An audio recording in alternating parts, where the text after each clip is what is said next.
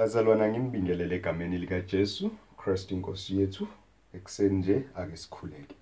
Baba wethu ongcwele nonguyise wenkosi yethu Jesu odalile izulu nomhlaba. Kwaze kwayintokozo kithina Nkosi yami namhlanje na. Kwaze kwayinjabulo ukuphinda size kuwe njenganenkosi yethu noNkulunkulu wethu ongamandla ethu. Baba siza kuwe egameni likaJesu nangalesikhathi iba nathi. Silondoloze ngokukholwa usivikele. Sithwale Nkosi yami usifundise ukwenza intando yakho. Sisindise Nkosi yami ezonweni zonke. Sihlanze Nkosi yami uxoshe bonke ububi kithi. Hlale nathi singabantwana bakho. Silondoloze njalo ngokukholwa ngoJesu Kristu ophilayo nophakeme. Cacisa Nkosi yami izwi lakho lisazokhulunywa phakathi kwethu. Sembathise Nkosi yami ngazimulo yakho. Sifihle Nkosi yami usithwale, usindise, silondoloze njalo. NgoKristu Jesu inkosi siyazinikela usuku nosuku sikudumisa. Siyazinikela baba wethu ongcwele kuwe njenganomzimba wethu kuba Nkosi yami ube umnikelo egameni likaJesu Kristu waseNazaretha. Hlala nathi baba wethu onamandla wonke usithwale ebese Nkosi yami uyasakha ngokwezwi lakho. Usifundise Nkosi yami ngokwemiyalelo yakho. Usenze kuba Nkosi yami sikulandele. Usenze kuba Nkosi yami sikuhloniphe sikukhonze sidumise Nkosi yethu nezimpilo zethu zifakazele ukukholwa kwethu. Nangalesi sikhathi ke ngiyathandaza egameni likaJesu sakhe ngoKristu ophilayo nophakeme kuze kube kuphakade. Amen. Bazalwane namhlanje izwi likaNkuluNkulu silithola encwadini yabaseKolose isahluko sesithathu abaseKolose isahluko sesithathu soqala ukufunda kuverse 1 sime kuverse 17 la kufundeka khona kanje ngakho uma navuswa kanye noKristu funani okwaphezulu lapho ekhona uKristu ehlezi ngakwesokunene sikaNkuluNkulu. Nakani okwaphezulu ninganaki okusemhlabeni ngokuba nafa. Ukuphila kwenu kufihliwe noKristu kuNkulunkulu. Nxa ebonakaliswa uKristu ongukuphila kwethu khona ke nani niyakubonakaliswa kanye naye ekukhazimuleni? Ngakho ke bulalani amalunga enu asemhlabeni ubufebe nokungcola nokuhuheka nokukhanuka nesangabe okungukukhonza izithombe okuza ngakho ulaka likaNkuluNkulu ekade nihamba kukho nani lapho nisahlezi kukho. Kepha kalokhu nani manilahle konke lokho ulaka nokuthukuthela nobubi nokuhlambalaza nokukhuluma amahlazo aphuma emlonyeni wenu ningaqambelana amanga ngokuba nikhumule umuntu omdala kanye nezenzo zakhe. Nembathe omusha owenziwa musha abe nokwazi ngokomfanekiso walowo owamdalayo. Lapho kungekho mGriki namJuda ukusoka nokungasoki owezizwe noma umskithe isigqila noma okhululekileyo kepha uKristu uyikho konke kubo bonke. Ngakho ke njengabakhethiweyo bakaNkuluNkulu abangcwele nabathandekayo yembathani ububele benhliziyo nesisa nokuzithoba nobumnene nokubheka kade nibekezelelane nithethelelane. Uma umuntu enensolo komunye njengokuba nenkosi yamthethelela yenzani njalo nani? Kepha phezukwakho konke lokho yembathani uthando oluyisibopho sokuphelela ukuthula kukaKristu makubuse ezinhlizweni zenu. Enabizelwa futhi kukho emzimbeni munye. Futhi yibani ngababongayo? Izwi likaKristu alihlale phakathi kwenu livame nifundisane ngokuhlakanipha konke. Niyalane ngamahubo nangezihlabelelo nangamaculo nangamaculo akomoya. Nimhubele uNkulunkulu ezinhlizweni zenu ngokubonga. Konke enikwenzayo noma kungezwi noma kungomsebenzi kwenzeni konke egameni lenkosi uJesu nimbonge uNkulunkulu uyise ngaye. Amen. Baba izwi lakho leli liyaphila lingamandla. Baba wethu ongcwele lilungele ukusiqondisa ukusifundisa nokusiyala. Enza ngalo enza kanjalo ngalo kithina namhlanje kuseni ngoJesu Kristu inkosi. Amen. Bazalwane singibingelele egameni likaJesu. Kodwa namhlanje ngifisa ke sibheke encwadi kwabaseKolose ebhalwa eh uPawuli. Uma ke eyibhala uPawuli lencwadi eyibhala enenhloso yokucorrecta isifundiso esibi esikhona ebandleni esifundiswayo abantu baseKolose esiphambene nalokhu abakwamukelayo abaseKolose. Kodwa ngiyathanda uma uPawuli ezocorrecta lesi sifundiso eh uqala uexalta ibandla noma upraise uncoma ibandla labase Efesu eh sorry labase Colossae eh ngokukholwa kwabo eh kuKristu Jesu. Uyalincoma leli bandla futhi nangothando lalo eh elinalo kubazalwane bonke. Emese senza lokho kuseyadila ke nalesifundiso ke samanga esikhona abasifundiswayo. Usephinda ke futhi manje la esifunda khona ke usekhumbuza abazalwane baseKolossia eh ngeke ngempilo yabo entsha ekuKristu Jesu ukuthi bekuno bebephila ekuqaleni njenganomuntu omdala begqoke izembatho noma bebegqoke umuntu omdala. Uma begqoka umuntu omdala bafa ke bavuka kanye noKristu Jesu bambathiswa omusha umuntu omusha. And ke uyasho ukuthi ke umuntu omdala ke eh, unje unje unje unje. And umuntu omusha ke ufanele ukuba kanje kanje kanje kanje.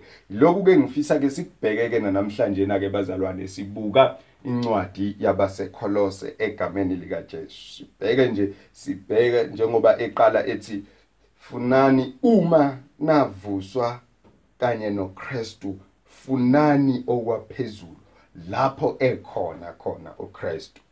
Bazalwane uma esho njalo uPauli ngiyakhumbula mina ukuthi izolo besigubha eh, usuku lokwenyuka kaKristu Jesu eh okusho ukuthi uJesu wehla esuke ezulwini weze emhlabeni wafike wazithoba wahlazeka eyinkosi ngenxa yethu wafa ukufa kwehlazo esiphambanweni wabuye wavuka futhi kwabafule kwabafileyo eselinqobile ithuna esekunqobile ukufa okungukuthi esesinqobile isono. Wakhuphukela ezulwini. Uma esekhuphukela ngasezulwini usehlezi ngakwesokunene sikaNkuluNkulu. Futhi ke lapho uyasinxusela esewuqedile umsebenzi walemhlabeni usehlezi ngakwesokunene sikaNkuluNkulu. Usuyasinxusela.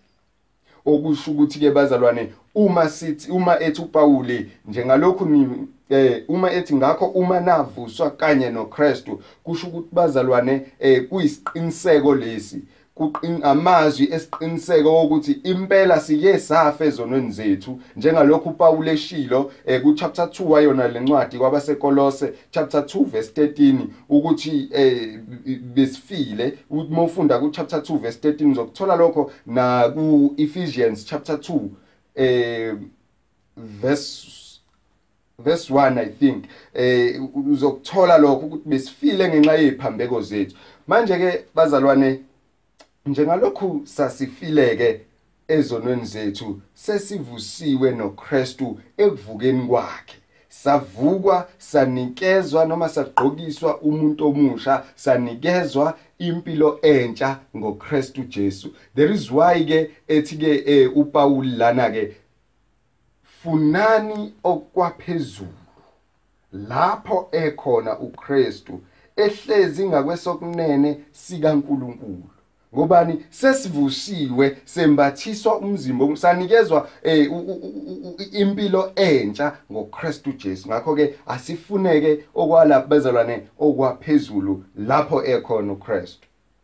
Lesi ke isimemo kuona wonke amakholwa esaqala saphoswa uJesu mawufunda kuMatthew chapter 6 eh, verse 33 umezothi funani kuqala umbuso wezulu.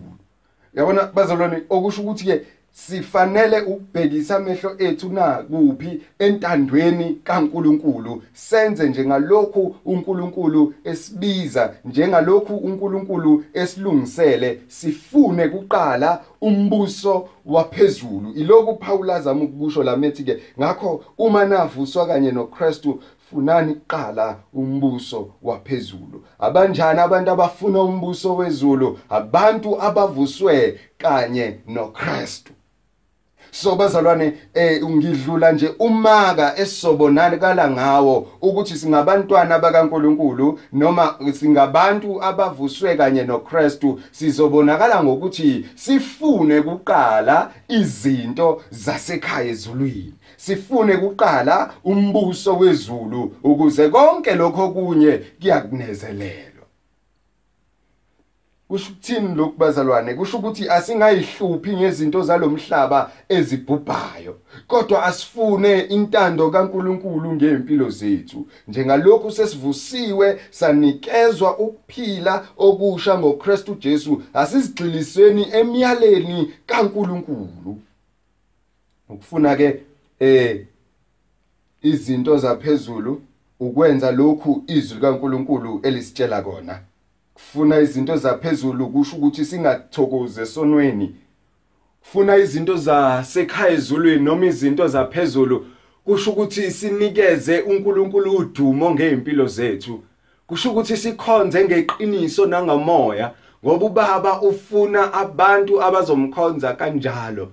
Kusho ukuthi singabheki bazalwane ingcebo yakulelizwe. Njengoba iorder yezwi likaNkuluNkulu seyishintshiwe manje uJesu mesibizela kuye uthi asifune eh, umbuso wezulu nokulunga kwakhe kodwa thina namhlanje nasesifuna izinto ezizakusicebisa and isikhathi esiningi abazalwane bazile enkonzweni noma bazile enkonzweni ngoba bazile ukuthi kunezinto abazozuza. I-primary goal yabo akusika ukuthi bazuze uNkulunkulu nokwenza intando kaNkulunkulu kodwa ukuthi bathole lezi zinto abayifunayo. There is why uma kuvela izinsuku zokulingwa uma kuvela izinsuku zokuhlupheka abantu abaningi bebuyele emuva. Ngobani? Abazange ukuzofuna uNkulunkulu nokulunga kwakhe abazange ukuzofuna uNkulunkulu njengalokho eyinkosi kodwa baze ezintweni eziphathekayo kodwa namhlanje na ke uthi uPaul uma navuswa kanye noKristu Jesu. Funani okwaphezulu.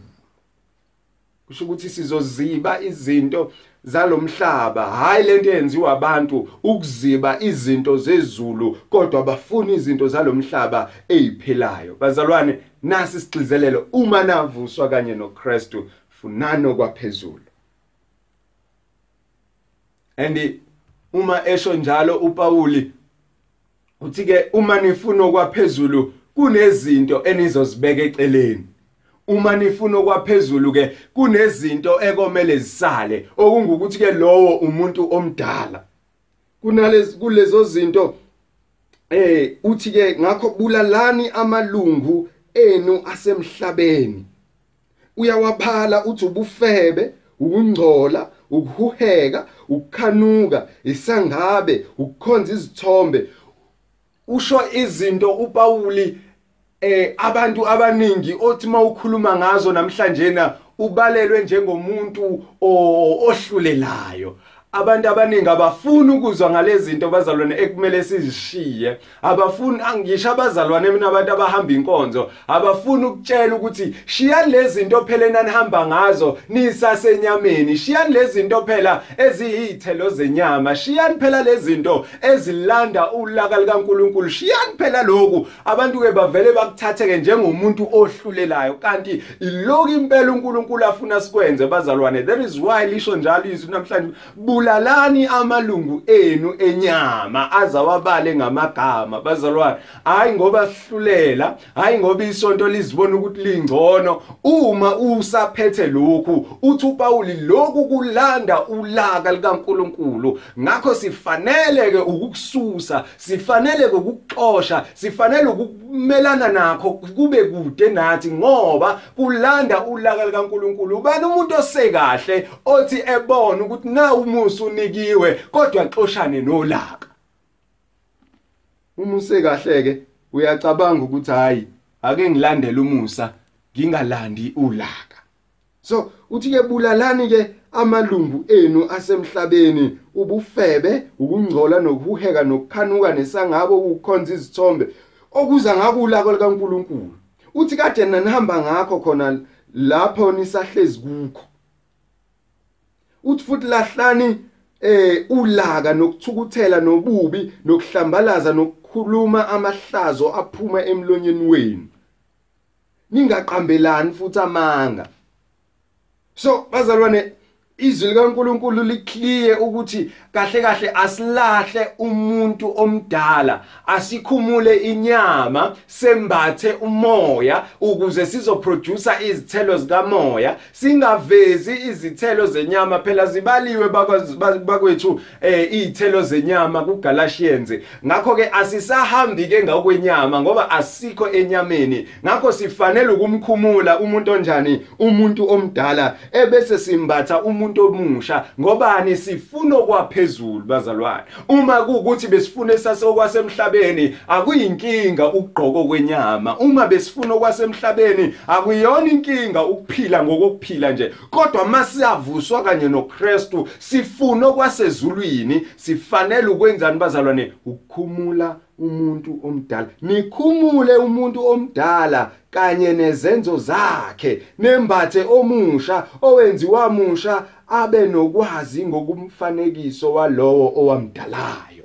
Ngoba ushilo phela lapha eh uverse i think verse 2 ekunakano kwaphezulu ninganako kwasemhlabeni ngokuba nafa ukuphila kwenu kufihliwe noKristu kuNkulunkulu. Athi uverse 4 nxa ebonakaliswa uKristu ongukuphila kwethu khona ke nani niyakubonakalisa kanye naye ekukhazimulweni? Uthi manje nembathe omusa omusha owenziwe musha abe nokwazi ngokumfanekiso walowo owamdalayo. Imuphi umfanekiso walowo wasidalayo abazalwane? Ukuthi sifane naye. Ingakho phela ethe lapha ku verse 4 nxa ebonakalisa uKristu ongukuphila kwethu khona ke nani niyakubonakalisa kanye naye ekukhazimulweni? Siyobe sesifana naye uKristu sesibonakaliswa kanye naye enkazimulweni nje. Siyobe sesifana naye ngokulunga sesifana naye nangobungcwele sesifana naye nangobuhle sesesinyanyile isono sesimbathisiwe imizimba emisha. Ngakho ke bazalwane asibulaleni amalunga ethu enyama okuza ngawo ulaka likaNkuluNkulu sembathe umuntu omusha.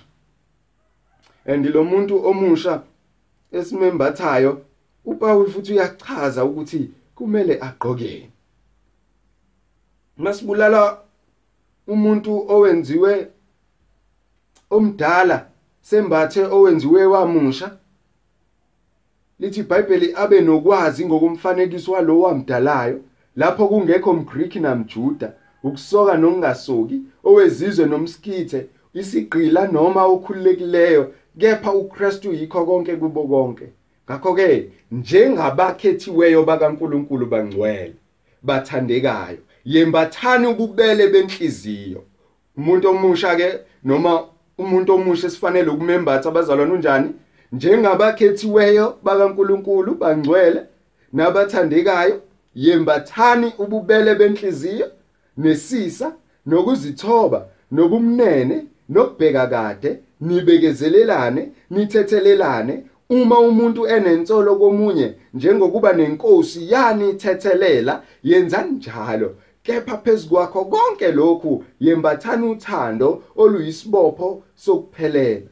Ukuthula kukaKristu makubuse ezinhlizweni zenu enabezelwa futhi kukho emzimbeni munye futhi yibani ngababongayo nanga umuntu omusha. Yembathani umuntu ozoveza izithelo zikamoya. Umuntu ozoveza uthando. Futhi akube khona uthando phakathi kwakho nomakhelwane wakho. Awungathi uthi wavusiwe kanye noKristu kodwa uyazonda. Awungathi uthi uvusiwe noKristu kodwa awuthetheleli. Njengalokhu inkosi yasithethelela bazalwane mhlambe siyayisi overlookele kodwa sisho njalo masikhuleka ukuthi usithethelele njengalokhu nathi sibathethelela abasonayo thina. Uthi ke umbhali lana njengalokhu inkosi nathi yasithethelela sifanele ukuthethelela sithethelela noma kade bazalwane umuntu esone kangakanani ngoba sikhumbula kwethu ukuthethelelwa ukuthi sathethelelwa thina singafanele ukuthethelelwa sathethelelwa thina singafanele ngoba sasimcanulile uNkulunkulu sasingayenzanga intando kaNkulunkulu kodwa wasilanda ngomusa wakhe. Ngamanye amazwi asinaso isizathu sokungathetheleli kodwa sinesizathu sonke sokuthethelela. Sembatha uthando. Umuntu omusha esimnikiwe ombathayo umuntu esimbathayo nothela osithelisa izithelo zikamoya umuntu eh ogcina kahlehle imithetho kaNkuluNkulu. Siyazi bazalwane singekwenze lokhu ngokwethu. Kodwa ngomoya kaNkuluNkulu umoya ongcwele ophila phakathi kithi singakwenza lokhu. Singabekezelelana singathethelelana. Uma sinezinsolo komunye nokomunye singathethelelana ngoba inkosi yasithethelela futhi ngaphezulu kwako lokho singathwala singaba nesibopho singathwala uthando oluyisibopho sokuphelela. Ngobani? Umoya ongcwele uphila phakathi kithi. Uma ke ephila phakathi kithi umoya ongcwele uma umoya ongcwele ephila phakathi kithi ngiyaphinda futhi ngiyasho. Ngithi mina singakwenza lokho kodwa uma umoya ongcwele ngekho kithi siyojaha lokho kuyizithelo zenyama akulobile lapha umpostoli kuGalatians. So nakhu engifisa ukunikhumbuza kona abazalwane ukuthi ngoba sivusiwe kanye noKristu asifune nokwaphezulu sikhumule umuntu omdala sembathe omuntu omusha sibekezelelane sangane ngothando siduduzane sithethelelane siphane amandla simbonga uNkulunkulu sincike ethembeni simdumise njalo simbonga yena oyinkosi ongayigodlanga yakhe indodana kwathi noma kwakufanele ukuba sife wasinikeza yona simbonge insuku zonke. Ngakho ke asiyekeni ukuxosha okuletha ulaka likaNkuluNkulu kodwa sibambelele kokuletha eh umusa kaNkuluNkulu noma sibambelele emseni kaNkuluNkulu. Bazalwane na umyalezo enginawo namhlanje funani okwaphezulu. Lapho ekhona uKristu. Singabheki okwakulomhlaba ngoba okwakulomhlaba kuyadlula. Izimo zakulomhlaba ziyadlula. Ezinye zithesta ukholo lethu ezinye ziyahlukumeza nje kodwa ziyadlula. Nakho ekumele sikufune ilokhu kwalapho ekhona uKristu oyinkosi nomsindisi weimpilo zethu. Nayike imanual sinikiwe ukuthi umzalwane uphila kanjani? Akajahi. Amalungu enyama. Noma ungathi ngiyahlulela ke namhlanje kodwa ngoba izwi liyakusho lokhu ngizokusho futhi nami. Haleluya. Siyambonga uNkulunkulu ngenkonzo siphe yona asikhuleke egameni lika Jesu baba wethu ongcwele nonguyise wenkosi yethu Jesu odalile izulu nomhlaba nomile nogcina iqiniso kuze kube kuphakade. Nangalesi sikhathi Nkosi yami ngiyazithoba ngibuyela kuwe. Hlala nami ngomoya wakho ongcwele uzihlanze izono zami. Hlanza izono zethu sikhulise ekukhonzeni sikhulise Nkosi yami ekwenzeni intando yakho size ukuba Nkosi yami silahle umuntu omdala nomngcola kwakhe kodwa sinamathele kumuntu omusha esimzuzileyo ngoKristu Jesu.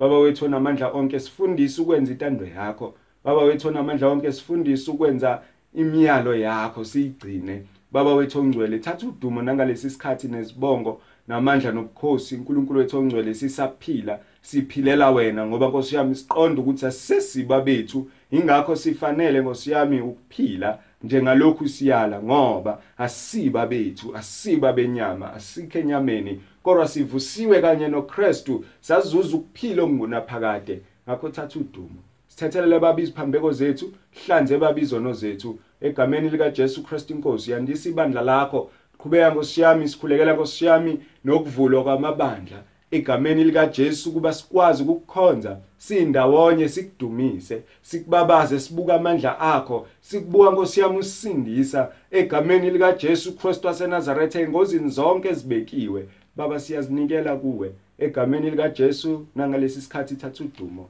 busa ngosiyami empilweni zethu sakhe ngomfanekiso kaKristu ukuba ngosiyami senze intando yakho. Ngalesikhathi kuze kube kuphakade siyakucela lokhu. Thatha udumo inkosi yethu. Amen.